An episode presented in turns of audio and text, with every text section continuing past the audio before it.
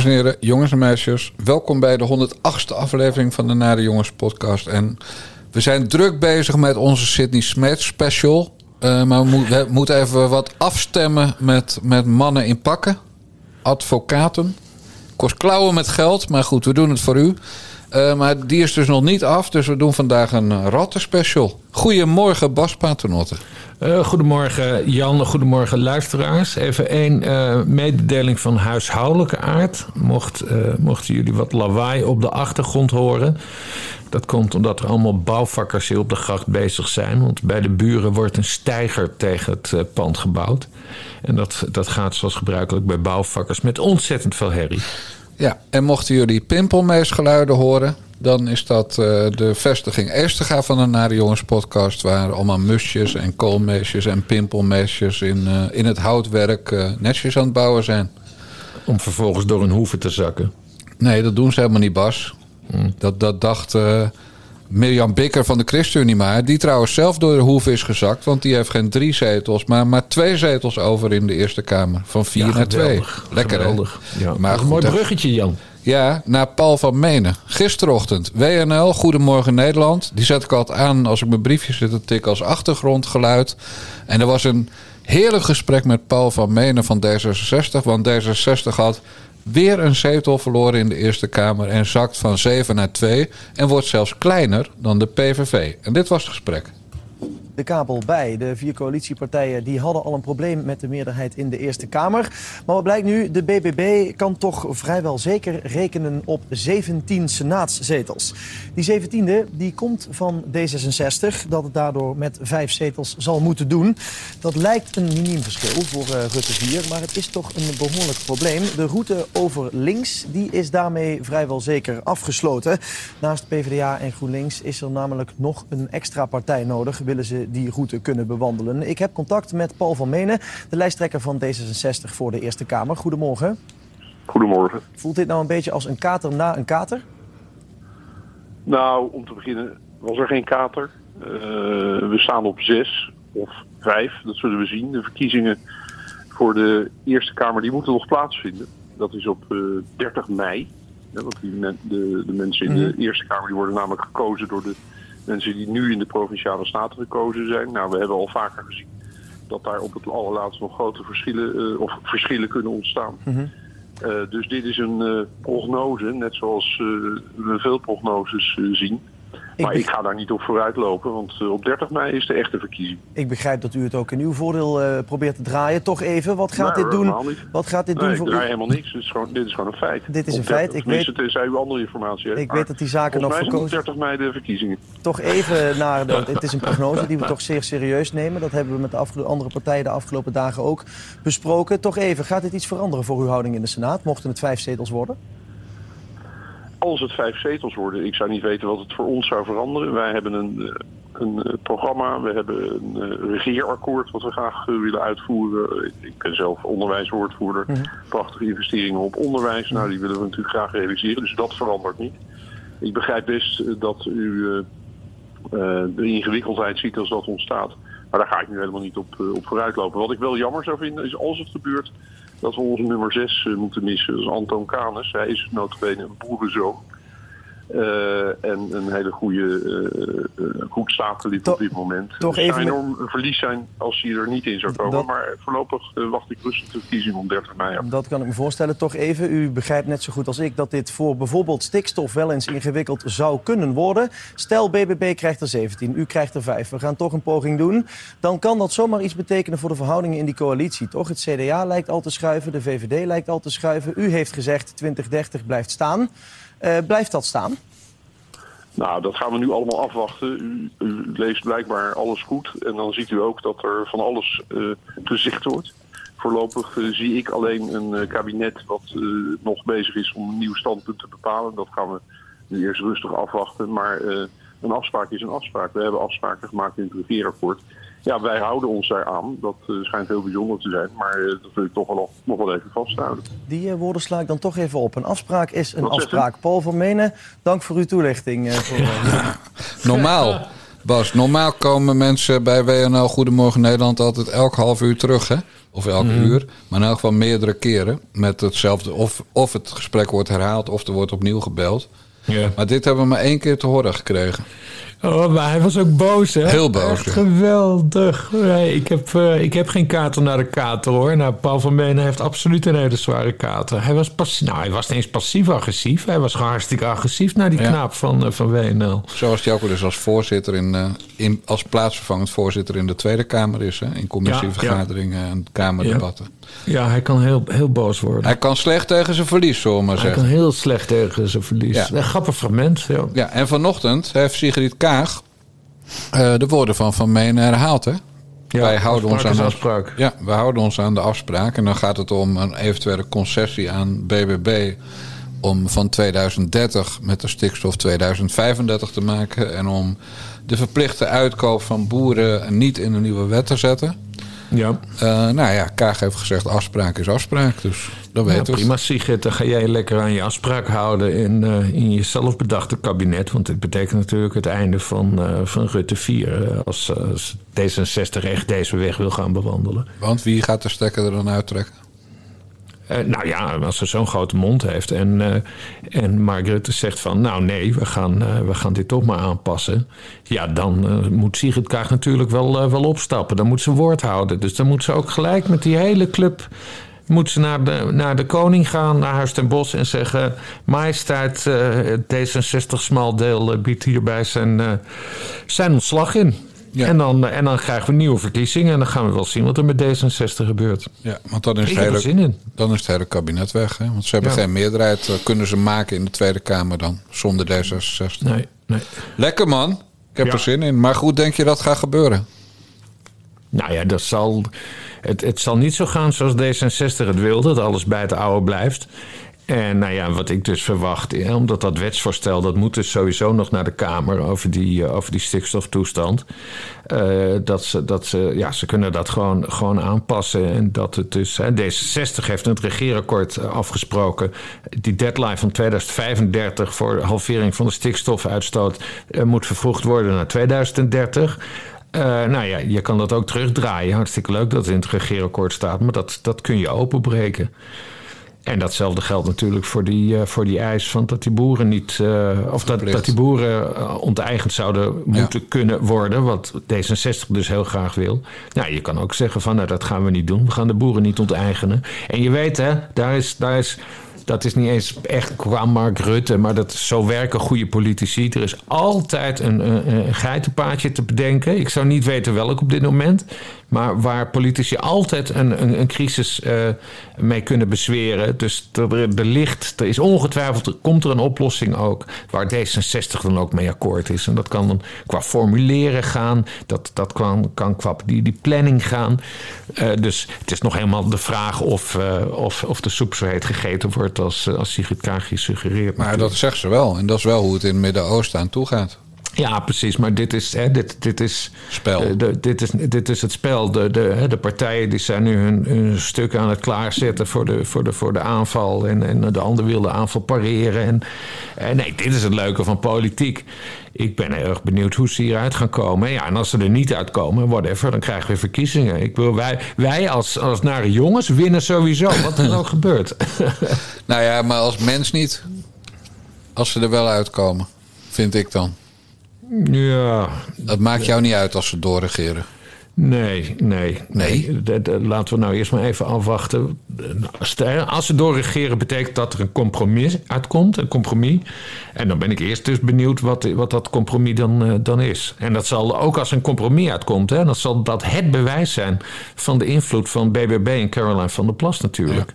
Dat ze echt dan het regeringsbeleid kunnen bijstellen.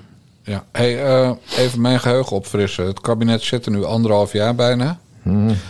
Toen het, eh, het, eh, het, het regeringsakkoord werd gesloten. Welke dingen heeft D66 toen ingeleverd bij andere partijen? Oh, geen idee. Dat Nee, heb ik, dat ik denk, ik niet denk dat je wel een idee hebt. Niks. Niks, ja, dat zou zomaar kunnen, maar... Ja, nee, ja, misschien... Dictatuur 66. Ja, kernenergie. Nee, ook niet. Volgens mij waren ze er ook wel voor dat we ook kernenergie zouden Gaan onderzoeken, ja, precies. Ja, Onderzoeken. Hey, verder wordt er vandaag gepraat bij het CDA, maar de rijen zijn al bij voorbaat ongeveer gesloten. Hè? Want het partijbestuur zegt Wopke moet blijven. Wopke zegt Wopke moet blijven. En de Tweede Kamerfractie zegt Wopke moet blijven. Ja. Oh, Dus het gaat er alleen nog om of die partijbaronnen uit de provincie sterk genoeg zijn om te zeggen: dat maken wij wel uit, vrienden. Ja, ja, ja het, het, gaat om de provincie inderdaad. Eh, en en, en dat, dat is wel spannend. Kijk, het CDA, hè, we hadden het net eens over schaakstukken die nu worden klaargezet. Nou ja, het CDA is, is zelf is natuurlijk ook aan het hergroeperen. Van, van wat, moeten ze, wat moeten ze hiermee? Maar ja, goed, ja, wat, is, wat is het alternatief? Er is, er, is helemaal, er is helemaal geen alternatief. Wie, zou het CDA moeten leiden? Ja, Hugo de Jonge misschien. Maar eh, ja, daar, heb je ook helemaal niks aan. Want die, krijgt het later, eh, dit jaar krijgt hij het voor de kiezen. Of volgend jaar krijgt hij het voor de kiezen. eh, omdat hij moet verschijnen voor de parlementaire enquêtecommissie over, over, over, over, het, over de coronapandemie. Waar hij natuurlijk het ook voor de kiezer gaat krijgen. Dus eh, er is ook helemaal geen alternatief. En ze moeten gewoon lekker doorgaan met, eh, met, eh, met Wopke. En zo, dat zal ook wel de uitslag worden hoor. Ja, is een knieval voor om zich nog een optie?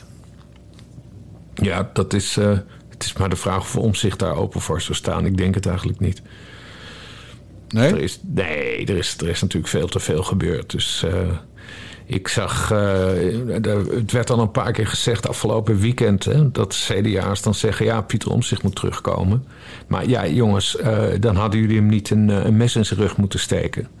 Dus die kans die lijkt, mij redelijk, lijkt mij redelijk verkeken. Ja, van Torenburg zei dat onder andere bij WNL op zondag. Ja, de Iron Lady. Ja, ze zei Wopke moet blijven, maar Pieter mag wat mij betreft wel, mag wel terugkomen. Ja. ja, nou wat een eer. Nou, dat gaat hij niet doen. Dat gaat hij niet doen. Het was trouwens wel leuk om, eh, om Madeleine van Torenburg weer eens te zien. Want ik noemde haar dus de Iron Lady. Dat komt omdat zij vroeger justitiewoordvoerder was voor de Christen-Democraten in de Tweede Kamer. En ik vond haar altijd eh, wel stoer, want ze had, ze had echt het beste even aanpakken. En een beetje zoals, eh, zoals de Dylan. kakelkip. Be- Ja, precies. Ja. Een beetje zoals onze kakelkip eh, altijd eh, is. Maar zij meende het ook echt. En ik, Ja. ik vond haar altijd wel stoer. En nu is zij dus gedeputeerde in, eh, in Limburg. Sorry. Het is ook nog vroeg. ja, verdorie zeg. Eén seconde. Het is nog steeds te koud. Maar goed. Eh, zij is gedeputeerde in, eh, in Limburg. En ze zei eh, bij, bij WNL op zondag tegen, tegen, tegen Rick, Rick, Rick Nieman. zei ze dus dat zij ook wel die, die afspraak van 2035 wil openbreken. Nou ja, dat is wel mooi dat zij daar zo in staat. En dat, hè, dat is dus ook de spanning die we de komende tijd gaan zien. Wat gaan de provincies doen? Dus nee, dat vond ik wel. Vond ik wel mooi. Maar als ze denkt dat eh, Pieter Omtzigt terugkomt, eh, dat kan ze op de buik schrijven, vrees Ja. ik. En zij is ook eh, volgens mij toch gevangenisdirecteur geweest. Net als Rita Verdonk. Ze, Ja. ze, is een soort Rita Verdonk van, van het CDA. Ja. Dus waar Dylan zeg maar vooral op hoog hak kan strompelen... heeft zij echt wat in het juridische wereldje ja, betekent. zij, zij, zij, heeft, zij is degene die ooit eh, in de annalen van, de, van het parlement... eh, in een discussie, ik weet niet meer waar het over ging... tegen een staatssecretaris zei... dat, dat is jack shit. En toen de staatssecretaris van Justitie iets zei eh, wat volgens haar niet klopt. En dat noemden ze jack shit. Dat is jack shit. Dus dat was eh, heel onparlementair taalgebruik. Maar sindsdien noem ik haar dus de Iron Lady. Ja, die verder gewoon echt een typische beroepspoliticus is geworden. Ja, absoluut. absoluut Ja. Maar zij heeft ook gezegd dat Limburg niet mee gaat werken aan de uitvoering van de stikstofwetten. Ja, precies. Dus, eh, dus ook weer een dingetje. Maar goed, hey, eh, nou leuk van Menen. We kunnen, we kunnen niet genoeg krijgen van boze en jankende D66'ers. Voorlopig. Nee, echt. Hij laat zich zo kennen. Hè? Ja. Echt geweldig. Dat hij dan ook boos wordt op die zoete jongen... die daar iedere ochtend bij, eh, bij WNL, ja. eh, want hij zit niet eens aan de desk, hè, die jongen. Die, die staat dan. Ja. Die moet het nieuws voorlezen. En dan mag hij af en toe een interviewtje doen. Wat hij trouwens hartstikke goed deed. Eh, en, en dat Van Menen daar dan boos op wordt. En dan laat je kennen, vriend. Maar goed. Ja, wij vinden dat hij het goed deed, maar ik denk wel dat hij door Bert Huisjes onmiddellijk ontslagen is hoor. Na deze schandalige behandeling van iemand van D66. Ja. nou, dat, we gaan het zien, ja. Ja. Als we die, die Limburg, eh, want het is ook een Limburger. Als we die jongen niet meer terugzien, eh, s morgens vroeg, dan, eh dan Weten is we hij hoe Bert. Ja, nog even over de magere mannetjes. Wel een grappig dingetje. Een van die magere mannetjes is natuurlijk hoofdredacteur van het dagblad Tubantia geworden. Uh, Daan Bonenkamp heet hij zo. En die heeft uh, laten zien hoe D66'ers werken. Want een van zijn mensen is, een, uh, is chef sport van wat van die regiokranten in het oosten van het land, van het AD. Vardouw, achternaam weet ik even niet. Mm. Uh, en dat is een vrouw. En Mark Koster had op Villa Media een interview met haar gemaakt. Mark Koster, de bekende uh, mix tussen een onderzoeks- en uh, gossipjournalist. Ja, ja. En in dat interview, Vardouw werd, werd, dus chef sport. En dat is best wel bijzonder, een vrouwelijke chef sport. De Volkskrant en Trouw hebben er geloof ik ooit een gehad, maar verder mm -hmm. niet. Mm -hmm. en Koster ging in dat verhaal inderdaad een paar keer schrijven over hoe haar haar zat... en wat voor kleding ze aan had en wat voor bril ze op had. Maar die Bonenkamp heeft dus de hoofdredacteur van Villa Media gebeld... om te zich te beklagen over het, in, het interview van Mark Koster. Oh. Dus de hoofdredacteur van Dagblad Tubantia... die belt een hoofdredacteur van een, uh, een vakwebsite, tijdschrift, hè, Villa Media... Mm. Om, uh, om even te zeggen dat het schandalig is wat, wat er met het verhaal gebeurd is van een van zijn uh, chefs. Ja, dat is natuurlijk typisch hoe het werkt van even bellen uh, met een hoofdredacteur om iets te regelen. Nou ja, want zo deed hij dat in Den Haag natuurlijk. Exact, ja. ja. Wat grappig is, het verhaal was gisteren uh, door iedereen te lezen op Villa Media, de website. Mm -hmm. En vandaag staat het achter een slotje. Jezus, ja. wat, wat, is dat nou weer voor bangerik, uh, bange poepert gedrag? Ja, nou, dat, dat is typisch. Maar, maar vond ze het erg of zo? Dan nee, dat, zij helemaal niet. Nee hoor, volgens mij niet. Nee, de hoofdredacteur ja. ging bellen. Maar bedoel, het feit dat je gaat bellen over een verhaal in een ander medium... wat je niet bevalt, niet met de verslaggever die het gemaakt heeft... Mark nee. Koster, maar met de hoofdredacteur achter zijn rug om. Ja, dat is zo nee, typerend. Dat is, dat, is een, dat is natuurlijk een typisch Haagse reflex, Haagse reflex van. Ja.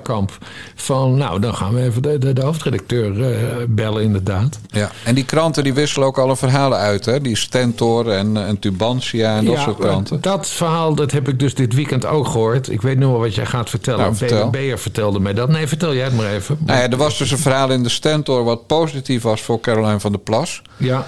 Uh, en Caroline, Caroline van der Plas is natuurlijk groot, nou, was toen ook groot in het, uh, nu is het in heel Nederland, maar in het oosten van het land met name. Dus normaal gesproken zou Tubantia zo'n verhaal van de Stentor altijd hebben overgenomen. Ja. Voor de verkiezingen was dit. Maar gek genoeg heeft Tubantia onder leiding van D66 magermannetje Daan Bonenkamp dit interview of dit verhaal niet meegenomen. Ja, ja. Dat soort... Terwijl dat dus Twente is, hè? Dat exact. is zeg maar het achterland van, uh, van BBB. Ja, net als Overijssel, Overijssel, Gelderland, gewoon die hele Ja. hoek is, uh, is Ja. uh, BBB-land. Inmiddels is Nederland BBB-land. Ja, en hij heeft dus. eh nou, een BBB vertelde mij dat dit weekend. En het verhaal is dus dat hij dat dan dus bewust uit de krant heeft eh, gehouden. Nou ja, dat is eh, als we het hebben over, over eh, beïnvloeding hè, van verkiezingen. Dit vind ik een redelijke beïnvloeding van verkiezingen. Dat een eh, hoofdredacteur met een, eh, van een krant met een D66-achtergrond bewust een artikel uit de krant houdt om. eh, om een voormalig concurrent, hè, want ik ga ervan uit dat hij nu, dat Daan Bonenkamp nu niet meer politiek actief is, om een voormalig concurrent, of een, een concurrent van zijn oude partij, om het zo te zeggen, dan bewust uit de krant houdt. Dat zijn, dat zijn bijna Russische praktijken. Wat bijna. Dat zijn Russische Ja, dat zijn. Russische praktijken. Ja, Dus Daan Bonenkamp, die gaan wij in de gaten houden, Bas Paternotte. ja, ja. Het is een hele aardige vent, hè, want ik ken hem, ik ken hem natuurlijk Ja, al, oh god, al krijgen we dat 100 weer. jaar. Waar moet Ja, ik nou weer zeggen? Weet je wie ook een hele aardige vrouw is? Nou, Lammy van NRC. Vroeger van BNR. ja, Eh, die zat bij Buitenhof. Die zat ook even te reflecteren. Dus ze is nu politiek verslaggever bij NRC. Hè? Dus zeg maar een van de grotere kranten in Nederland. Zo, Ja. En een krant hoort ook ja, toch wel geacht eh, democratie belangrijk te vinden. En Ja. dit is wat Lammy zei. Dat was vrijdag natuurlijk ook eh, de reactie. Hè. Je hoorde eh, vooral CDA-bewindspersonen zeggen van we kunnen niet op dezelfde manier verder. Vooral op stikstof zullen we iets moeten veranderen. Nou, de minister-president zei eh, dat ze de, de signalen goed waren overgekomen dat ze iets moesten veranderen. Maar ergens heeft dat iets heel wonderlijks. Hè? Want daardoor doen zij alsof de- deze eh, verkiezingen een soort referendum over het stikstofbeleid waren. En dat is te plat, dat is te klein. Het is nog niet eens anderhalf jaar geleden dat dit kabinet, deze coalitiepartijen dachten... als wij deze afspraken met elkaar maken, dat doen we omdat we denken dat dit het beste is voor Nederland. Dan komt daar tussendoor een verkiezing en dan denk je... oh wacht, misschien was dat toch niet het beste voor Nederland. Ja, dan zijn de enige motieven die je kunt hebben... zijn dus eigenlijk de electorale motieven. En dus? Ja, eh, volgens mij hebben we daar een woord voor en heet dat populisme. Onder welke hoofddoek heeft deze gelegen? Ja, ik, eh, ik vond het een beetje een rare conclusie ook van haar. Van Lamia Arouai. Gewoon Lammy. Eh, nou, ik noem haar altijd Lamje, want dat vind ik wel grappig. Ze is een uitmuntende twitteraarster. En ze komt, dat is even leuk voor de achtergrond... ze komt natuurlijk uit de TPO Academy. Want ze is koloniste geweest bij, uh, bij Bert en Meij tussen 2012 en 2013. Waar ze best wel goede column schreef. Ze heeft een keer een soort woedeaanval gekregen. Toen, toen er was een of andere journalistieke prijs voor niet-westerse allochtonen. En dat vond ze dus extreem racistisch. Uh, omdat uh, zij vindt dat, een, uh, dat als je als, als allochtone journalist in Nederland... dat je dan ook een gewone prijs daarvoor moet kunnen krijgen. En niet een speciale prijs omdat je niet westers allochtoon bent. Ja. Dus dat heeft mij altijd erg voor haar ingenomen. Dus linker rijtje van Bas Paternotte is een lijst. staat zij. Daarna is ze inderdaad naar BNR gegaan. Hè, want heel veel mensen, die jonge mensen die bij TPO zijn begonnen... die zijn daarna elders in de journalistiek Dat is trouwens een nieuwe rubriek bij Villa Media. Hè? Benieuwd wanneer TPO aan de beurt komt rubriek van uh, Nick Kivits. Ja. Van kweekvijvers van journalistiek talent. Ik ben heel oh, benieuwd ja. of hij ook naar Bert Brussel gaat bellen. Ja, ik neem aan van wel, want we hebben belachelijk veel talent afgeleverd. Hoe dan ook, ik toen ook, is ja. ze naar BNR gegaan en daarna is ze naar NRC gegaan. En daar ze is ook heel lang daar de baas van de, de Haagse podcast geweest. Deed ze ook heel erg goed. En nu zat ze dus bij Buitenhof. En dan merk je toch, want verder was het prima verhaal. Hè, want ze is altijd heel goed in de analyses. En dan, dan, die ene opmerking over het populisme, dan denk ik van, nou, wat is dat nou voor? Dat is een beetje jammer, want dat is, lijkt mij een iets te eenvoudige uh, uh, uitleg voor wat er allemaal is gebeurd. Ja. En wat er ga, misschien gaat gebeuren. Ik vind dat je het heel netjes zegt. Maar dat komt natuurlijk omdat ze in jouw linker rijtje staat. Ze staat net zoals Daan Bonenkamp bij mij in het linker rijtje. En Sander Dus. En, en, en Van. Roosmalen. En, uh, en uh, Gijsie Groenteman. En iedereen staat bij jou in de Nee, linker Gijs rijtje. Groenteman staat niet in, in dat li- lijstje. Oh, waarom de niet? helderheid. Nee, dat vind ik, dat vind, nee. Met, met dat zijige stemmetje, dat vind ik een vreselijk Oh, ga je iemand op zijn stem aanpakken? Ja. Maar wel Chris, wel Chris Alberts aan de linkerkant natuurlijk. Ja, Bas, kom op. Oké, ik vind dat je veel te aardig bent. Ja, Het gaat ten eerste niet alleen om het stikstof, die verkiezingen van vorige week. Mhm. Het gaat over de, de middelvinger die het kabinet, zeker het vierde kabinet Rutte, uitsteekt naar de bevolking. ja. Daar gaat het over. En de boeren eh, zijn een soort katalysator geweest. En met die omgekeerde vlaggen, met acties. Eh, maar BBB is de boer-burgerbeweging. En er zijn niet zoveel boeren als eh, BBB stemmen heeft binnengehaald. Dus het staat voor iets veel breders. Het staat voor ontevredenheid over dit kabinet. ja. En over de, de nieuwe en de oude bestuurscultuur. De oude heet de Rutte-doctrine en de nieuwe heet de nieuwe bestuurscultuur van Sigrid Kaag. Die ik dan maar het Kagisme noem. ja. Eh, en op het moment dat er dan verkiezingen komen voor provinciale staten met effect voor de Eerste Kamer. En de uitkomst is zo diametraal tegengesteld aan de laatste Tweede Kamerverkiezingen. Dan gaat het niet om. We vonden toen iets heel belangrijk. En nu, omdat het volk het, eh, eh, het wegstemt, vinden we het niet meer belangrijk. En dat is populisme. Nee, het gaat erom dat dit gewoon een keiharde afrekening is. met de arrogantie van de macht die erbij hoort. ja. Uh, en als je dan zegt van ja, daar moet je dus niet naar luisteren, want dat zegt ze eigenlijk, hè, want ze vindt populisme vies, terwijl populisme gewoon is de kant van het volk kiezen. Nou, volgens mij zit de regering er voor het volk en niet andersom. ja. Dus ze zijn, het, is maar, het, is maar, het is ze maar geraden dat ze voor het volk kiezen. Maar als je daar, daar dan een negatief label aan hangt, ik zou haast zeggen, kijk eens waar je zelf vandaan komt. Eh, is dat dan beter? Nou, dat is eigenlijk dus wat ze zegt. Van het volk Ja. kan roepen wat het volk wil, maar de koning is de baas. En de koning is in dit geval koningin Kaag. ja. Eh, ik, ja, ik vind het gewoon, ik vind het gewoon Nee, ranzig, daarom- daarom- NRC. vond- ja, maar daarom, ik vond het daarom dus ook een tegenvaller dat, dat, zij dat, dat, dat zij dat zei. Omdat ik haar dus ook niet, niet zo kende. Dat zij eh, zulke soort kwalificaties negatief probeert uit te leggen. Maar ja, misschien komt het omdat ze bij Buitenhof zat of zo. Dat ze dan denkt, ja, dan, dan zal ik wel zoiets moeten zeggen. Ja. Weet je wat Rob... Ja, sorry. Nee, nee, ga door. En weet je wat Rob Oudkerk zou zeggen tegen jou? Nou, Maar het is wel jouw kut Marokkaan. ja, Rob Hartkerk, ja. God. Dat, uh, ja, nee, maar dat ze Marokkaan is, dat, dat interesseert me helemaal geen, uh, geen ene ruk. Dat, uh, dat en mij ook niet. Het, ik vind het gewoon jammer dat, dat, dat, ja, dat ze nu met zo'n zo'n erg ja, kartelopmerking, laten we het zo maar noemen, dat ze met zo'n kartelopmerking komt. Terwijl zij juist bekend staat omdat ze altijd redelijk kritisch opereert als journalist van NRC en, en bij BNR en, en in haar columns bij TPO. Dus ik vraag me eerder af of, ja, wat dit nou uh, betekent. Of komt het nou door Buitenhof? Dat ze ja, in, de, in de krant schrijft ze dus niet zo. Dus nee. schijnbaar voelt ze de behoefte om. Want het is gewoon een statement van een journalist. Hè? Voelt ja. ze de behoefte om op nationale televisie, waar, waar hè, heel de movers en shakers naar kijken. Oh ja, nou, nou, nou, nou. nou. Ja, iedereen, iedereen die dit doet, kijkt buitenhof. Helemaal de dag, uh, of de dag na de, na, de, na de week van de verkiezing. Um, dus ja, misschien, uh, misschien voelden ze de behoefte om dat, uh, dat te doen. Terwijl er helemaal niks mis is met populisme. Maar zij doet alsof het een. Uh, ja, zij, zij voegt er een negatief, negatief oordeel aan toe. Dat, ja, dat vind ik jammer. Maar goed, moet zelf weten. Ja, jammer, jammer, jammer. Oh, ik zie trouwens hier een roodbosje buiten met een hoofddoek. maar die heeft er zelf voor gekozen. Hè? Dat je niet denkt dat het roodbosje gedwongen is een hoofddoek te dragen.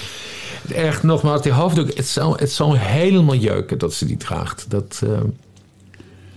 Nou, als je uit als je je voorvaderen, ik neem aan dat zij in Amsterdam is geboren, maar als je voorvaderen uh, uit Marokko komen, dan, dan moet je meer nog dan wij de democratie omarmen.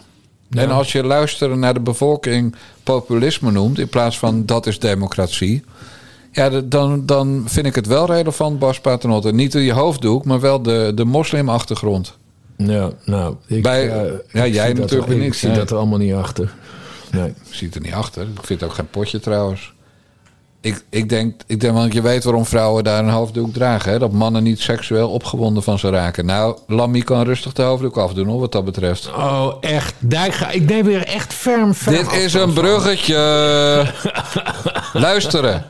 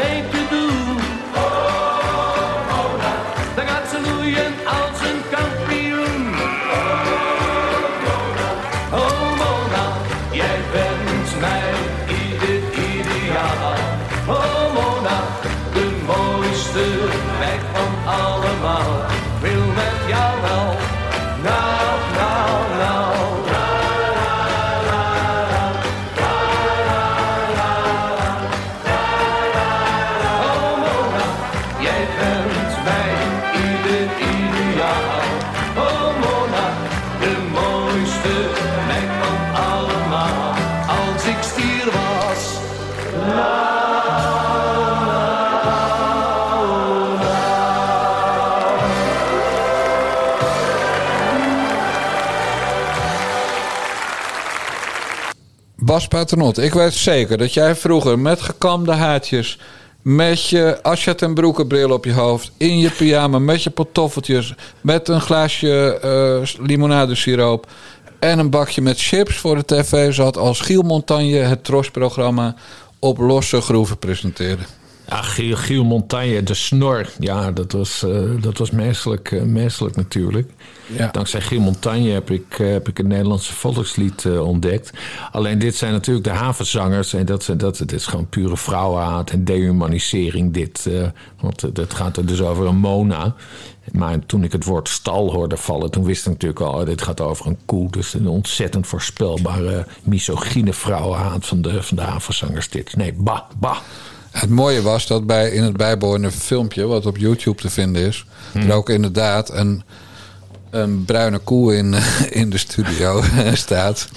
En die zanger heeft moeite om die koe in bedwang te houden. Want die koe denkt natuurlijk, nou ja, wat er ook op mij gaat, niet die, die zanger van de havenzangers. Ja. Dus die koe die wilde, de, wilde de studio uitrennen. Dus die gast had de grootste moeite om en te zingen. Nou, playbacken natuurlijk.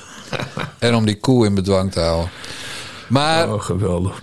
Dus het ging bij, bij eh, Lammy natuurlijk ook helemaal niet om een, een prachtige Marokkaanse deerne met een hoofddoek en dat ik daar er niets van vond. Nee, het ging gewoon om eh, dehumaniseren. Ik wilde er gewoon even een soort koe met Ja. een hoofddoek van maken. Ja, Dat snap ja. je wel. Ja. Maar goed, Mona. Ja, Mona Keizer, jij hebt, jij hebt, ik heb het blog gelezen, jij ook. Vertel jij maar, want ik heb, ik heb er eigenlijk niks aan overgehouden. In de zin van, hé, hey, daar zei ze... Dat is iets interessants wat ze daar zegt. Nou, dan gaan we even terug in de geschiedenis. Mona Keizer is een van de. eh, is sinds, ik meen uit mijn hoofd 1975. eerste lid van het kabinet dat is ontslagen. Op staande voet nog wel, door Mark Rutte. Na overleg met Wopke Hoekstra, Sigrid Kaag en de minister van Economische Zaken. Ik weet niet meer wie dat was, eerlijk gezegd. Maar in elk geval, na drie belletjes heeft Rutte besloten dat hij Mona Keizer op staande voet zou ontslaan. Weliswaar Ja. eervol, maar dat maakt niet uit. Maar dat is een unicum. En waarom was dat? Ze had een interview gegeven aan de Telegraaf over de coronamaatregelen die haar veel te ver gingen.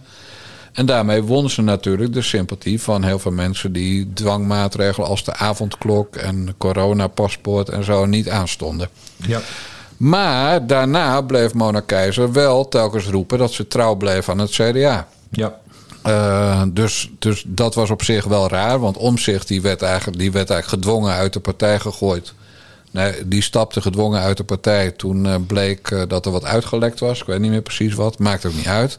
Maar Mona Keizer bleef het CDA promoten. Nou, en dat blog, ja, dat staat eigenlijk gewoon in Ik wil mijn Nederland terug. Maar het belangrijkste is dat, dat, dat ze in dat blog veel nadrukkelijker afstand doet van het CDA. Ja. En aangezien Caroline van der Plas had geroepen, nou, dus na die, die toen nog 15 en later 16 en inmiddels 17 zetels in de Eerste Kamer. Ik heb nog nooit nagedacht over het premierschap. Dat ga ik nu maar eens doen. Maar die zei ook meteen, nou, ik hoef niet zo nodig premier te worden. Ja. En toen dacht ik, nou, één en één en één en misschien nog één is vier. Ja. Dus Ronald Plasterk, Pieter Omtzigt en Mona Keizer... die sluiten zich aan bij BBB. Caroline van der Plas moet vooral partijleider blijven. En we hebben aan Hoekstra, eh, Wopke Hoekstra gezien... dat je dat best vanuit de Kamer kan doen. En zeker niet als van grote afstand. Eh, dus Caroline van der Plas blijft gewoon de BBB-leider vanuit de Tweede Kamer na de volgende verkiezingen. Pieter Omtzigt wordt het geweten van de fractie en van de partij. Daar is hij goed in. Moet vooral geen partijleider worden. En Mona Keizer, die kan dan premier van Nederland worden. En dan hebben we eindelijk een vrouwelijke premier. En nog eentje die aardig en gezellig is ook. Nou ja, en, en daarom is het zo belangrijk dat de mensen ook ons, ons petje afnemen. Omdat wij dit ook hebben eh, besproken in onze betaalde podcast direct na de verkiezingen. Eh, namelijk het eerste kabinet eh, Keizer. Ja. Dus Mona Keizer als eh, premier, Caroline van der Plas, leider, politiek leider vanuit de Tweede Kamer. En mijn suggestie was om het ook nog samen te gaan voegen met Ja 21. Ja, ja dan, wilde je. Want dan kan, dan kan Joost Eermans kan dan minister van Justitie worden, hè? of minister van Binnenlandse Zaken, omdat justitie en Binnenlandse Zaken zijn specialiteit is. Verder kun je Annabel Nanninga, kun, je dan of naar de Kamer halen... of die, die blijft gewoon lijsttrekker, of, uh, lijsttrekker, fractievoorzitter in de, in de Senaat. Dus dan krijg je een enorm, enorm dreamteam kun je bouwen. Alleen Ronald Plasterk weet ik niet. Want die, die naam hebben we toen trouwens ook niet uh, genoemd. Nee, maar die voeg nu even toe. Wat zou, wat zou Ronald Plasterk moeten doen? Nou, die spreekt de ouderwetse, gek genoeg... gezien zijn, zijn geschiedenis en zijn persoonlijkheid... maar die spreekt inmiddels de oude PvdA-kiezers aan. Mm. En de oude PvdA-kiezers kunnen terecht bij de SP, die gewoon altijd verliest bij verkiezingen. Dus, dus daar moet je dan, daar, je wil naar een winnaar. Uh, die kunnen niet meer terecht bij de PvdA, die kunnen terecht bij de PVV. Qua programma, want dat is gewoon een linkse partij. Maar daar zullen sommigen zich niet zo thuis voelen. Dus hij kan het PvdA-smaldeel nog naar uh, BBB trekken. Ja. Uh, en verder, elke column van Ronald Plasterk had door Caroline van der Plas kunnen worden geschreven, inhoudelijk. Ja, ja, ik, zie, ik zie Plasterk zie ik dus niet zo 1, 2, 3. Nee, maar ja, jij wil Eerdmans. Dan kunnen we toch uitwisselen? Jij krijgt ja, Eerdmans. Nee, kan. Ja, maar goed, nee, maar kijk, Plasterk staat natuurlijk, stond bekend als minister altijd als een hele luie minister. En die ja. ging het liefst naar feesten en partijen.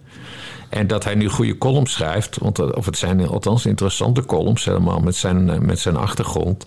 Dan weet ik nog niet of hij in, in, in ons, in ons dreamteam, kabinet Keizer 1 zou passen hoor. Dat weet ik niet. Hij nou, is een onzekere factor erin. Zou hij niet minister van Mediazaken kunnen worden? Ja. Het opheffen van de publieke omroep is natuurlijk maar, is maar één handtekening. En dan kan je wel lekker op het strand gaan liggen met je hoedje op je kop. Oh, als hij, als hij de NPO opheft, dan, ja. uh, dan, uh, dan ben ik helemaal tien plasterk. Ja. Ik zou niet weten waarom hij de NPO nog zou willen hebben. Want hij ziet nu precies hoe het, dan, hoe het spel gespeeld wordt. Ja, ja, ja. Daan Bonenkamp hadden we het net nog over. Ja, ja, dat, en dat zijn toch dingen die onze Ro, onze Ro niet aanspreken. Ja, maar het, het, wordt nu, het wordt natuurlijk wel een keer, een keer tijd dat uh, Pieter Omtzigt uh, Mona Keizer uh, zich een keer gaan, gaan uitspreken hè, over wat ze nou Juist. willen. Want het blijft permanent boven de markt, uh, boven de markt hangen. Want, want, maar het zou echt zo'n mooi dreamteam zijn. Want, want dan dus Caroline van der Plas in de Kamer... en, en omzicht ook gewoon Kamerlid voor, voor, die, voor die BBB ja 21 combinatie. Echt, de sky is the limit dan. Dat kan meters worden. Ja. Alleen, uh, ja, dan moet er wel een keer duidelijkheid komen. En de, de, belangrijkste, degene die dit allemaal in werking gaat zetten, dat is Pieter Omtzigt. Dus die zal een keer een keuze moeten maken. Nou, we weten dat de kans klein is dat hij zelf een partij begint. Want daar is hij helemaal niet op toegerust. Uh, daar raakt hij weer overspannen. Dat wens hem niet toe. Die man die moet gewoon op zijn dossiers uh, gezet worden en, en daar goede werken blijven doen. En, en dat kan hij het beste doen met een bestaande partij. Uh, om daar ingebed uh, te zijn. Omdat, je dan, omdat hij dan ook meer spreektijd heeft en dergelijke. Ja. Nou ja, en dat lijkt me dus in de lijn, of in de lijn der verwachtingen. Het, het is logisch als hij dan zou kiezen voor, voor, voor, voor, voor, voor BBB. Nou ja, en dan, en dan zul je vanzelf zien dat, uh, dat Mona Keizer dan ook het CDA de rug toe zal keren. Ja, ik, ik zie het andersom gebeuren. Ik zie Mona mm. zeggen: Pieter, kom eens een visje eten in, mm. in Volendam. En dan zie ik dat zij de kar gaat trekken voor de overstap van die twee. Ja. Omdat zij toch wat, wat assertiever is dan Pieter en wat, uh, wat, wat minder wijfelend. En verder verwijt ik het Pieter om zich natuurlijk hartstikke dat hij zich voor de verkiezingen vorige week heeft teruggetrokken om in Polen een klusje voor de Raad van Europa te doen. En heeft geweigerd om te melden waar hij op zou stemmen. Wel achteraf melden dat hij zo, dat hij zo goed vond dat BBB en Ja21 en Volt uh, fors gegroeid waren. Mm uh, dus, dus nog altijd uh, hangt boven de markt uh, wat Pieter om zich gaat doen. Ja, terwijl ja. hij had Caroline van der Plas aan nog drie zetels kunnen, kunnen helpen. Ja. Maar goed, dat terzijde. Bas, jij noemde net even petje af. Ja. En het lijkt me wel goed om, uh, de, om eens een keer niet aan het eind, maar halverwege onze podcast daar, uh, daar wat over te vertellen. Mm -hmm. Als je een petje afneemt bij ons en dat kost 4 euro per maand of 40 euro per jaar, hè, dus krijg je twee maanden gratis bij petjeaf.com naar de jongens, dan krijg je er elke week nog een podcast bij die heet Bellen met Bassie. Nou, ik zal het concept daarvan even uitleggen voor de uh, intelligentie gestoorde. Ik bel dan met Bassie en dat nemen we op. En dat is op een wisselende dag. Dat laten we namelijk afhangen van het nieuws van de dag. Nou, ja. daarnaast krijg je elke zondag dan de Bassie en Jan Moskee podcast te horen. Waarin een ecumenische kerkdienst wordt gevierd in de moskee in Utrecht. Dat is een, uh, eigenlijk is dat een zaaltje achter het, uh, uh, het telefoonkaartjeswinkeltje. Maar we noemen dat een moskee. En dat huren wij dan van, van Ahmed Voor, voor een paar eh, centen en dan doen we daar een kerkuitzending. Maar ecumenisch. Dus, dus er komt ook wel eens iemand met een hoofddoek. eh, Iedereen is welkom. Exact. Vooral mensen, ja, iedereen is welkom, mits ze naar petjeaf.com zes naar de jongens zijn geweest. nou, om, om nou te, te- dat jullie niet alleen op ons woord moeten vertrouwen dat je daarbij wil zijn, heb ik even wat reacties van nieuwe abonnees op een rijtje gezet. Zo meldt Edith. Indrukwekkend hoe, hoe, goed jullie veel, hoe goed jullie van veel zaken op de hoogte zijn. Dol op de kritische en komische blik van Jan daarop. Blij dat de altijd beschaafde Bas, inmiddels 20 jaar jonger, klinkt naar zijn hoe noemde jij het ook alweer, Bas? Retraite. Naar zijn retraite. Dat staat hier niet hoor. Groeten van Edith, fan van het eerste uur. Nou, dan zegt Melchior nog. eh, ik ben laat, denk ik. Luister nu al een tijdje gratis en heb alle podcasts gehoord tijdens een vakantierit. Erg vermakelijk. Nou, weet je, dat soort reacties. Ik ga natuurlijk niet alle duizend oplezen. Maar dat soort reacties, de beste luisteraars, krijgen wij dus van mensen die, eh, die sinds kort abonnee zijn van eh, de Nare Jongens podcast. Dus sluit je eindelijk eens een keer aan. Of dan willen we nog met een vierde podcast komen. Precies, want als wij 2500 mensen hebben die een abonnement hebben op onze podcast, dan komt er een vierde podcast, de 9 over 5 Cultuur Podcast. En die is in tegenstelling tot die andere drie ook gewoon live. En dat doen we dan elke donderdagochtend om, de naam zegt al, 9 minuten over 5 gaat die live. Mensen die dan. In de ochtend, ja. Ja. En mensen die willen uitslapen kunnen hem natuurlijk gewoon terugluisteren. Want ja, we zijn ook geen monsters. We zijn geen onmensen. We heten geen kaag. Nee. Nou ja, dat was het eigenlijk. Supermooi. En Ja, op welke URL heet dat? Waar, waar, waar moeten mensen zich abonneren, Jan? Vertel. Petjeaf.com slash nare jongens. Ik denk dat, dat mensen hem nu wel hebben. Heel goed. Heel het goed. kan ook eventueel via nivaradio.nl. En Niva is van Lada Niva. Dat is de auto eh, die eh, als, als rijdende studio fungeert. En die binnenkort eh, gaat figureren in eh, de opnames van nieuwe persfoto's van de Nare Jongens. Want die gaan wij maken. Ja. Als die uit de garage is. Ja. Goed. Goed nieuws gisteravond van Vandaag in Zuid. Ik had eh, de indruk dat, eh, dat Jochie van Adel, wat hier gezeten heeft... die vonden ons maar een beetje dommerikken omdat we op BBB ge, gestemd hadden, ja, hè? schimmel, schimmelpenning bedoel je? Ja, wie denkt, Wat wie, denkt, met Adel wie denkt hij nou dat hij is dan? Die Ja, dat is, oh, Adel zeg je. Ik dacht Ado. Maar Nee, Sander Schimmelpenning bedoel Ja. je toch? Ja. laat een tweet eruit gooien. Zo, ik begrijp het ook niet helemaal. Wat is er gebeurd dan? Staat er? Mensen vragen waarom ik bij VI ga zitten. Ik zeg dan om domrechtse hordes tegen te spreken en op te voeden. En de comments op Twitter natuurlijk. Daarom doet hij het. Oké. Ja, deze jongen leidt aan een hele ernstige vorm van zelfoverschatting. En eigenlijk moet ik die bij mij in de tuin zetten. Want hij is heel Met een klein. kruiwagentje. Met een kruiwagentje. zijn neusje rood verven. En hem heel de dag uitlachen. Nou, ja. Dat zou hem goed doen. ja, dat denk je wel. Dat zou hem goed doen. Dan rijdt hij naar huis en denkt, nou, minder Ja? dag. Ik, ik heb het vage vermoeden dat hij niet meer uitgenodigd wordt hier aan tafel. Nee, dat past Maar ook niet omdat bij- hij tegenspreekt? Of Nee, dat- dat- Nee, daar gaat niet dat om tegenspreken. Maar kijk, dat, dat, dat, dat heeft dat volk die, die zich verheven voelen. Dan je als dom neerzetten. Als half Nederland op de BBB stemt. Dan vindt hij dat allemaal dom horen. Ja. Nou, en dat vind ik heel hotain en arrogant. Is dit weer een openbare functioneringsgesprek? Ja, die dat komt lijkt niet het meer wel veel op. Die Die eh, komt niet meer terug? Nee, Die komt niet meer terug? hij zat ook Kijk op, jij nog maar uit. hij zat ook, hij zat ook op drie kussentjes. Joh, Ja? Die allemaal niet hebben. Lekker man. Oh ja, maar ik, ik moest wel lachen. En, en ik, ik, heb, ik heb die hele uitzending niet gezien, maar ik, ik zag het vanmorgen op Twitter, omdat Schimmelpenning eh, het retweeten, dat, die mededeling van, van VI, van Vandaag in Site, met de tekst: Je mag ook niks meer zeggen in dit land. dus nee, het is een rel van niks natuurlijk, want we weten precies wat er gaat gebeuren. Sander Schimmelpenning, die eh, schuift binnenkort weer aan bij Vandaag in Site. Nee. Jawel, alles voor de kijkcijfers. Alles voor de kijkcijfers. Nee, want de kijkcijfers die zijn niet zo goed als hij er zit. Mhm. Eh, gek genoeg zijn ze wel goed als Eusie er zit. Die, eh, die, die, eh, dat, dat multitalent uit Deventer, zullen we maar zeggen. Ja, ja. Maar we Schimmelpenning zorgt helemaal niet voor hogere kijkcijfers, maar wel voor heel veel irritatie. Ja. Maar als jij als host van het programma, dus in dit geval Gené, hè, als jij het toestaat dat jouw kijkers dom rechts worden genoemd, want dat was het woord dat, wat hij gebruikte, dom rechts, Mhm. Eh, ja, dan, dat kan je gewoon niet accepteren. Dat, dat kan je echt niet accepteren. Ja, Dus ja. ik, ik zeg je dat hij niet terugkomt. Eh, en kijk, weet je wat, eh, wat de heren van VI wel te verwijten is? Dat ze hem een keer of drie hebben uitgenodigd. Hmm. En hem, nee, Johan Derks heeft zelfs, zelfs gezegd dat hij een goede opvolger van Mark Rutte bij de VVD zou zijn. Hmm. Dus dat opportunisme van die gasten van vandaag in Site, dat is ook wel een beetje treurig. Ja. Eh, want ja, dat, dat de, eh, Schimmelpenninck, eh, leider van de VVD, zie je het voor je? Ja, maar goed, ik neem, ik neem, ik neem die Johan Derksen en die René van der Gijp... die neem ik ook voor geen, voor geen seconde serieus. Dit, ik, vind, ik vind het gewoon grappig. En dit is toch gewoon weer een grappige rel. Ik vind het, eh, Ja, dit is niet ik eens een vind het ook wel leuk om dan wat olie op het vuur te gooien. Dus ik heb ook de... Maar ja, goed, dat ben ik ook aan mezelf verplicht. Hè, omdat jij en ik eh, het bestuur vormen van de Sander Schimmelpenning Ik Fanclub. ben afgetreden. ja, nou, dat moet eerst nog langs de notaris, maar goed. Eh, dus ik heb ook de hashtag eh, geïntroduceerd... die door niemand is geretweet. Fries Sander Schimmelpenning. Maar eh, Vandaag.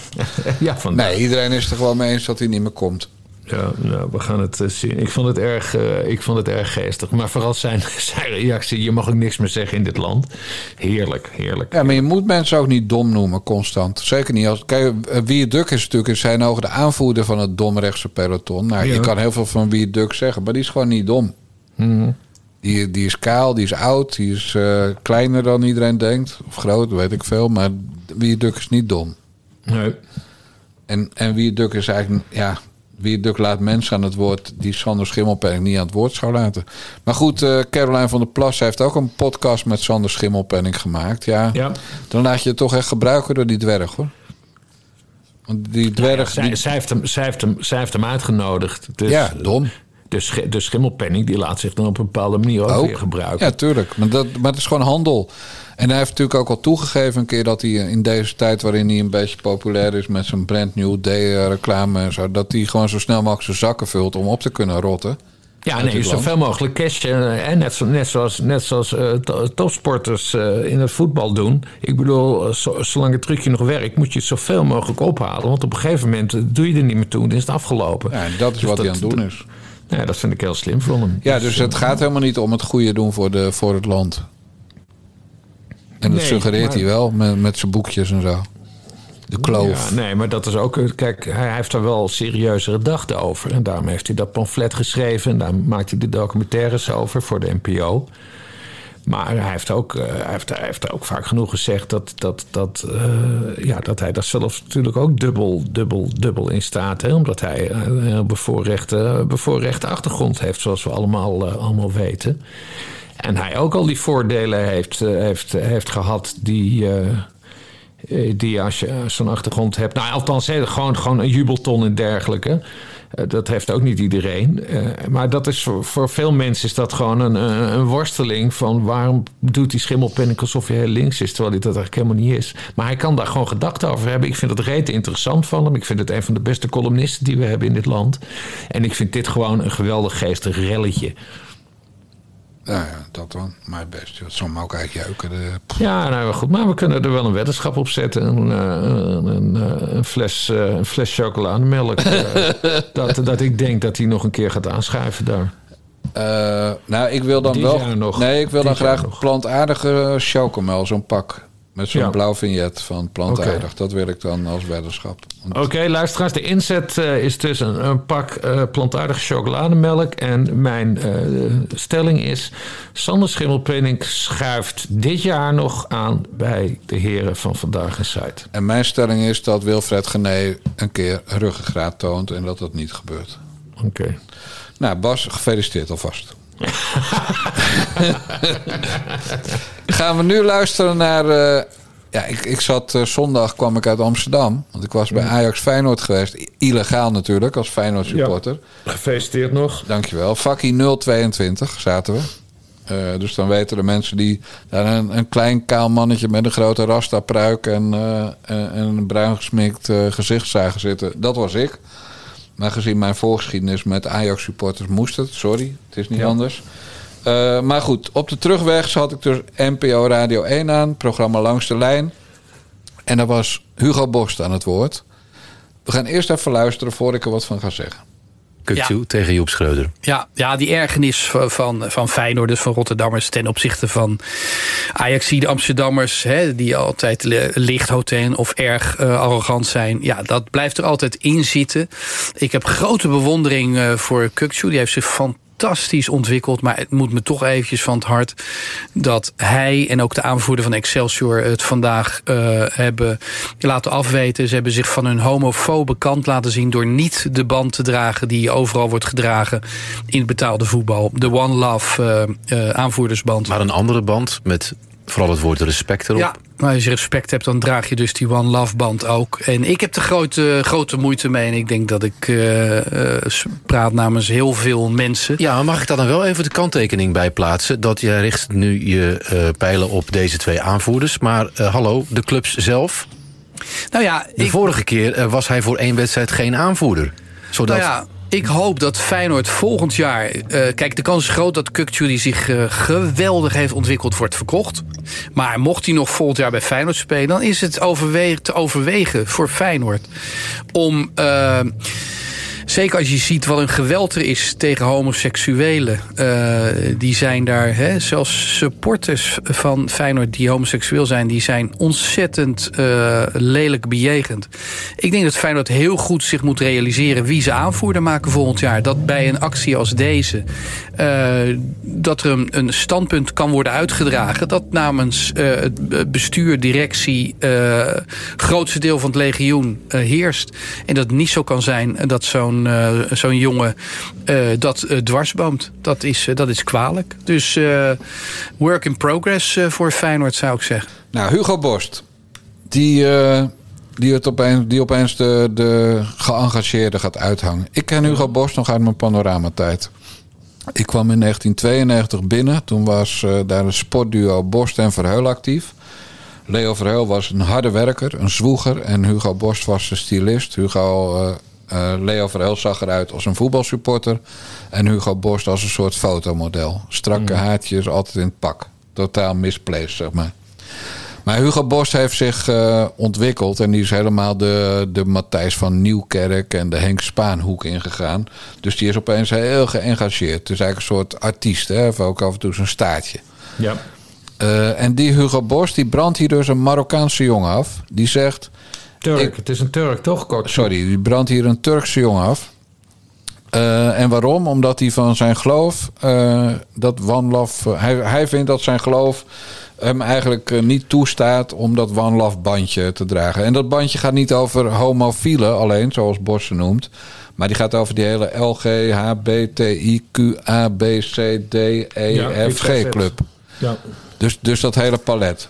Eh, en dan ontzegt Hugo Borst, Kukcu en de aanvoerder van Excelsior, die dus wel een Marokkaan is, het recht om te zeggen: joh, de KNVB kan wel een of andere kutactie bedenken, maar daar, daar voelen wij ons persoonlijk niet bij thuis. Eh, dat is namelijk dezelfde KNVB die tijdens het WK voetbal de oranje spelers van het Nederlands elftal dat One Love bandje niet liet dragen, omdat er dan misschien een gele kaart zou volgen voor de aanvoerder. Ja. Dus, dus als je zegt van KNVB is een hypocriete kutclub, dan zou Hugo Borst een sterk punt hebben. Maar wat doet hij? Hij pakt twee spelers aan. Eentje van Feyenoord en een van Excelsior. En hij is zelf ras Spartaan, hè? Supporter van Sparta. Waar hij het niet over heeft, is dat in dezelfde wedstrijd Ajax-Feyenoord... de aanvoerder van Ajax, Tadic, het One Love bandje weliswaar om had... maar zijn eigen aanvoerdersband, een Ajax-band... rood-zwart met drie kruisen erin, Andreas kruisen... de hele wedstrijd over dat One Love bandje liep te trekken. Dus als dat One Love bandje zichtbaar werd... dan, dan deed, deed Tadic de Ajax-armband eh, eroverheen... zodat hij niet zichtbaar was. Alle foto's en, en filmopnamen, video's bewijzen dat. Dus als Bos nou het zo schandalig vindt... dan moet hij niet alleen een Marokkaan en een Turk aanpakken... dan moet hij ook Tadic aanpakken. Maar Ja. dat doet hij niet. Want eigenlijk is Hugo Borst gewoon een Ajaxiet. Ja. En dan nou, gaan we een dag verder. Maandag, Algemeen Dagblad, column van Hugo Borst. Eigenlijk is de strekking... dus terwijl Feyenoord half het kampioenschap viert dit jaar... Ajax moet er alles aan doen om de trainer van Feyenoord na dit seizoen te kopen. En dan wordt Feyenoord lekker volgend jaar achtste. En dan wordt de eerste trainer voor de kerst ontslagen. En de tweede trainer na het seizoen.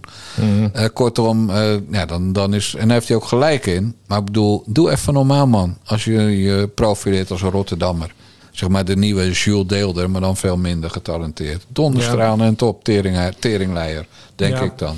Ja, nou, dat was het. Nou ja, ik vind- Aardige ik- trouwens, Hugo. Ja, oh, is het zo? Ik heb, ik, heb, ik heb hem nooit ontmoet, maar is, is hij in de omgang wel vriendelijk? Nou, heel grappig hè. Ik heb dus met ze gewerkt, anderhalf jaar, bij Panorama. En ik was de buffer tussen hem en een hoofdredacteur die echt niks van sport wist. Die, die hoofdredacteur, dat was een vrouw, ik zal haar naam niet noemen... maar die vroeg dan bijvoorbeeld tijdens het EK voetbal in Zweden... waar Borst en voor ons waren... vroeg ze aan mij... Jan, kan je even zorgen dat eh, die Hugo en Leo... tijdens de rust in de kleedkamer mogen bij het Nederlands elftal? En dan zei ik, eh, Joke, dat is niet gebruikelijk. Dat bij een groot internationaal voetbal... Oh, heb ik nou Joke gezegd? Ja. Dat is niet gebruikelijk dat ze bij een groot internationaal voetbaltoernooi... in de rust de kleedkamer in komen, journalisten. Als je het niet vraagt, dan eh, doen ze het zeker niet, zei ze dan. Dus dan zei ik, jongens, tegen Borst en Verheul... die helemaal gek werden van haar. Jongens, Joke heeft dit gevraagd. Eh, we gaan jullie natuurlijk niet vragen, maar doe maar gewoon net alsof je het gevraagd hebt. Dan zeg ik wel dat jullie hebben gezegd dat jullie het gevraagd hebben en dat niet mag. En dan is ze weer tevreden. Nou, dat was ongeveer het niveau waarop de hoofdredactie van Panorama toen functioneerde. Ik heb, ik heb wel eens zo'n chef gehad, want dit, dit gebeurt heel vaak op Haagse redacties. Eh, ik weet niet meer of het, of het Metro was of HP de Tijd, maar het, het was een van een onervaren chef. En, en ik werkte gewoon in Den Haag. Volgens mij was Balkenende nog premier en er was een of andere rel. En toen vroeg ze, Bas, kan jij even een reactie halen bij Jan-Peter Balkenende? Ja. Nee, zo werkt het niet. Dat kan niet binnen vijf minuten. Nee, nee Maar dat zo'n is- vrouw die dus dan denkt dat je de- ja, dus dan even de kleedkamer in kan lopen. Tijdens Nee, een wedstrijd. gasten, dat kan, Ja. kan niet. Kan niet. Nee, maar goed, ik had dus een goede relatie met Borst en Verheul. Met name met Verheul, want ik ben natuurlijk ook een jongen van de straat. Hè? Dus Ja. dat is logisch. Ehm, maar zeg maar, ja, ik heb wel voor ze gezorgd, zo, voor zover het ging. Ze zijn uiteindelijk om financiële redenen weggegaan. Want ze verdienden 110.000 euro de man. En waren niet overijverig, zullen we maar zeggen. Eh, gulden trouwens, 110.000 gulden. Eh, dus, dus ze werden eruit geknald en vervangen door anderen. Nou, dat is dan weer een heel ander verhaal. Maar in elk geval, ik heb dus best wel eh, goed voor ze gezorgd als buffer, hè, chef sport, tussen, tussen hen en de hoofdredactie. Ja. Nou, gaan we even voorwaarts in, het, voorwaarts in de tijd. Jan Dijkgraaf ging naar Poont. Je weet er alles van. Ja. Dan moest ik hoofdredacteur worden. En vlak daarvoor hadden wij bij HP De Tijd het tijdschrift uitgebracht. Binnenhof of buitenhof. Ik, ben, eh, ik, ik vergis me altijd. Ja. Een roddelblad over, over, de, over politiek. En wat gebeurt er bij Poont? Er komt eh, misschien een programma aan met Hugo Borst. En wat is het eerste wat Hugo Borst zegt? Ik wil niks met die dijkgraaf te maken hebben. Vanwege dat roddelblad bij HP De Tijd. Och, och, och, och, och. Deugertje, deugertje, deugertje. Exact. Nou, later hebben we nog met de broer van Hugo Borst, die eh zendercoördinator was bij Radio 1. Die was heel erg op de hand van Jan Roos en mij toen we echte Janne deden. Eh, dus, dus niet alle borsten deugen niet, zeg maar. Maar Hugo Borst is echt zo'n ongelofelijke linkse nagemaakte. Ja, wat een eikel ben je dan zo. Nou, dat, dat was mijn idee. Ja, ja. Dus, Ik dus vind dat met die bandjes, ik vind dat sowieso heel irritant. Maar dat, eh, wat je net ook zei, dat hebben we toen ook gezien in Qatar. Laat die voetballen staan, laat die gewoon met rust. Laat die gewoon dat fucking voetbal spelen. Dat was toen ook met Lewis Hamilton, hè, een paar jaar terug. Toen- knielen. Toen begon het in de Formule 1, dat hij ging knielen omdat, Ja. eh, vanwege politiegeweld in Amerika. En Max Verstappen, professional als hij is, eh, die had helemaal geen zin om te knielen. Die, eh, die is daar geconcentreerd voor de wedstrijd. Die, wil gewoon die wilde toen kampioen worden, wat hij later ook werd. Eh, maar die kreeg, vervolgens kreeg Max Verstappen kritiek. Van ja, Max Verstappen wil niet knielen. Ja.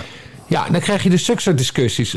Die, die mannen die zijn daar om te autoracen. Die mannen daar eh, op het veld die zijn er om te voetballen. Die moet je hier niet mee lastigvallen. Want ze kunnen het toch nooit, nooit goed doen. En, en dan krijg je dus dit soort hele discussies erover. Wat interesseert het mij nu dat die, dat die, dat die Turk eh, dat bandje niet wil dragen? Dat, dat, ja, daarvoor is hij... Ik kijk naar hem van, vanwege het voetbal, niet naar hem vanwege zijn standpunten. Begrijp je? er was eh, in het weekend een wijs man die schreef ergens in een stukje. Het maakt mij geen fuck uit wat voor armband die Koeskoe al dan niet Kukchu, Kukchu, Kukchu, Kukchu heet hij. Eh, ik, ik verwar hem steeds met Jessim Kandin. Zegt die naam je nog wat? Ja, ja, dat is ons, Dat is ons object. Van de- Ja, dat is ons object. Die komt nog wel aan de beurt. ja. Kukchu. Het, het maakt geen reet uit of die Kukchu een, eh, een One Love of een ander armbandje draagt als aanvoerder. Er is maar één ding belangrijk, Bas Paternotte. En dat is dat om tegen half vijf op zondagmiddag Feyenoord met drie punten naar Rotterdam gaat. Ja, En dat heeft hij gedaan. Hij heeft een geweldige wedstrijd gespeeld. ja, En dat zegt die Bos dus ook aan het begin. Nee, eh, geweldig ontwikkeld, die jongen. Maar dan toch even hem neerzet als homofoob. ja. En dat is het, hè? Nee, hij, hij, hij, heeft, hij, hij leidt aan een achtergebleven geloof. Dat is Ja. waar. De, de, de islam is, eh, is een geloof waar ze soms nog achterlijke opvattingen op nahouden. Maar hij is geen homofoob. Dat is hij gewoon niet. Dat kan je niet hard maken. Nee, Je weet toch wat Theo altijd zei over moslims? nou, Nou ja, geitenneukers. ja. Er zit echt wel eens een ram tussen. Of hoe heet dat bij geiten? Een mannetje scheid.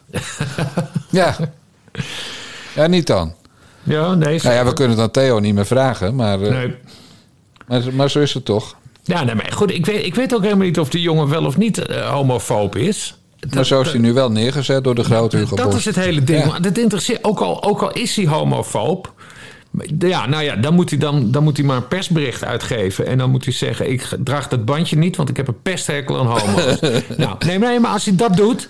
Kijk, dan, dan kun je aan Feyenoord vragen: van, Nou, hij is, eh, hij is eh, zwart op wit, is hij homofoob? Eh, blijven jullie hem opstellen? De ja, de nee. Dat is dan een, een vraag die je mag stellen aan Feyenoord. Maar we weten niet of hij homofoob is of niet.